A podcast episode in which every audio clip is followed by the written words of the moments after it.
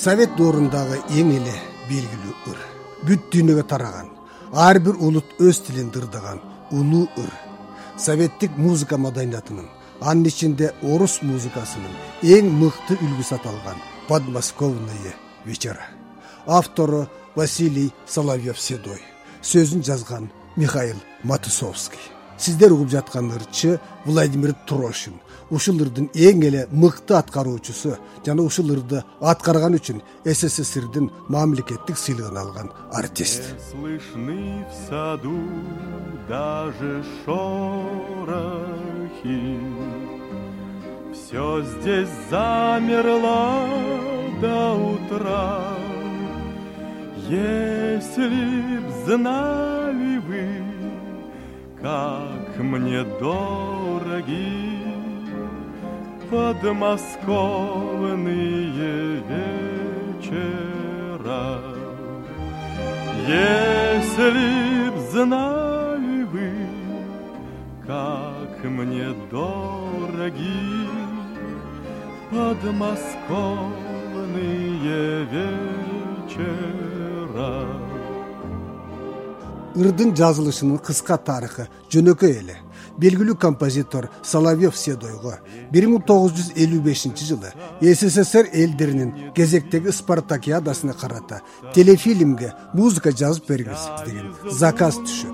Спортсмендер үчүн ыр жазууну анча каалабаган композитор бир чети айнысамбы деп отуруп бирок ала турган акчасына кызыгып балким идея береби дегендей акын досу михаил матусовскийди дачасына чакырат. Жаңы музыка жазгысы келбеген соловьев седой бир кезде мотивин жазып бирок сөзүн таба элек бир нотасын кол жазмалардын арасынан таап чыгат.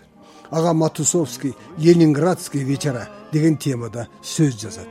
Ошентип ыр негизинен даяр болгонсуйт заказ бергендерге келип ырдын нотасын беришсе эмнегедир ыр аларды анча алымсындырбаптыр. Сөзү да анча так эместей ырдын музыкасы да эмнегедир кызыксыздай туюлуптур. Кыскасы убакыттын чукулдугуна башка жаратылуу музыка жоктугунан гана макул болушуп ошентип спортсмендер тууралуу телефильмге соловьев седойдун ыры жаңы ат менен подмосковный вечера башкача айтканда подмосковье кештери деген ат менен киргизишиптир все что на сердце у меня. Трудно высказать и не высказать все что на сердце у меня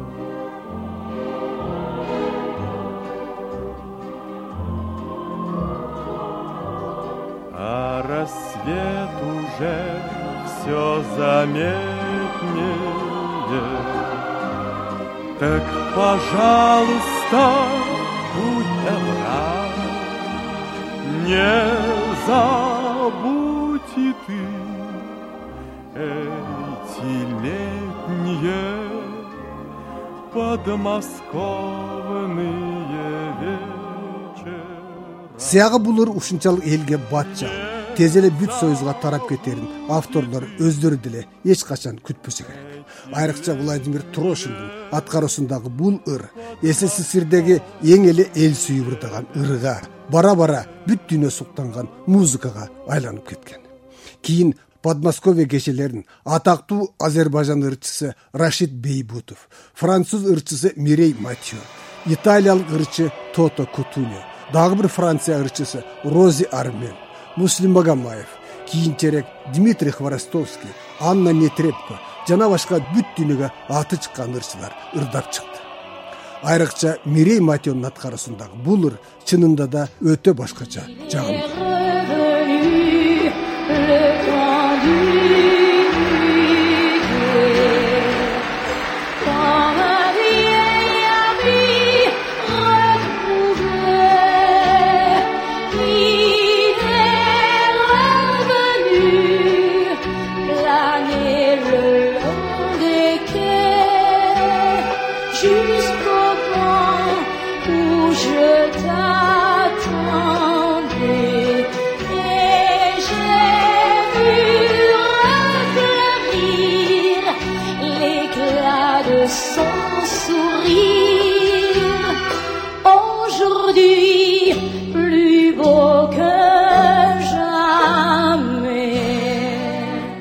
азербайжан ырчысы рашид бейбутов да өз стилинде подмосковные вечераны жаңыртты. Не слышны в саду даже шорохи. Все здесь замерла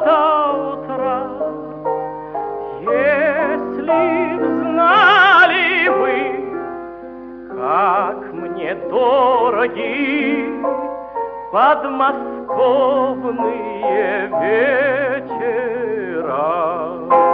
Если б знали вы как мне дороги подмосковные вечера ал эми кытайда бул азыр да эң популярдуу ыр болуп саналат. Кытайдын президенти цзян зимин бул ырды ар бир жолку шостун саммитинде чын дили менен берилип ырдачу. Ошентип бери болгондо жарым кылымдан бери подмосковные вечера бүт планета тыңшаган музыкалык хитке айланды. Side by side with you, my heart beats.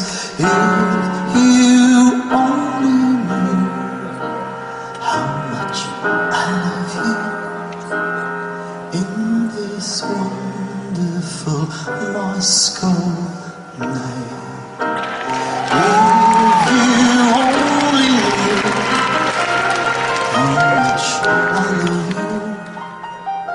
жакшы чыгарма автордуку эмес элдики. Керек болсо бүтүн маданияттуу адамзаттыкы деген сөз. Чынында эле адилет айтылган сөз экенин соловьев седой менен михаил матусовскийдин ушул ыры баардык жагынан далилдеди бул эки автор бул дүйнөдөн өткөнүнө. Бери болгондо кырк жылга жакын убакыт өттү. Бирок подмосковье кечтери эч бир эскирген жок да картайган жок ал эми азыркы замандын эң эле мыкты ырчыларынын бири дмитрий хворостовский менен анна нетребконун москванын кызыл аянтында ырдаганы бул улуу ырдын өмүрүн ого бетер узартты десек эч бир жаңылышпас элек. Под москва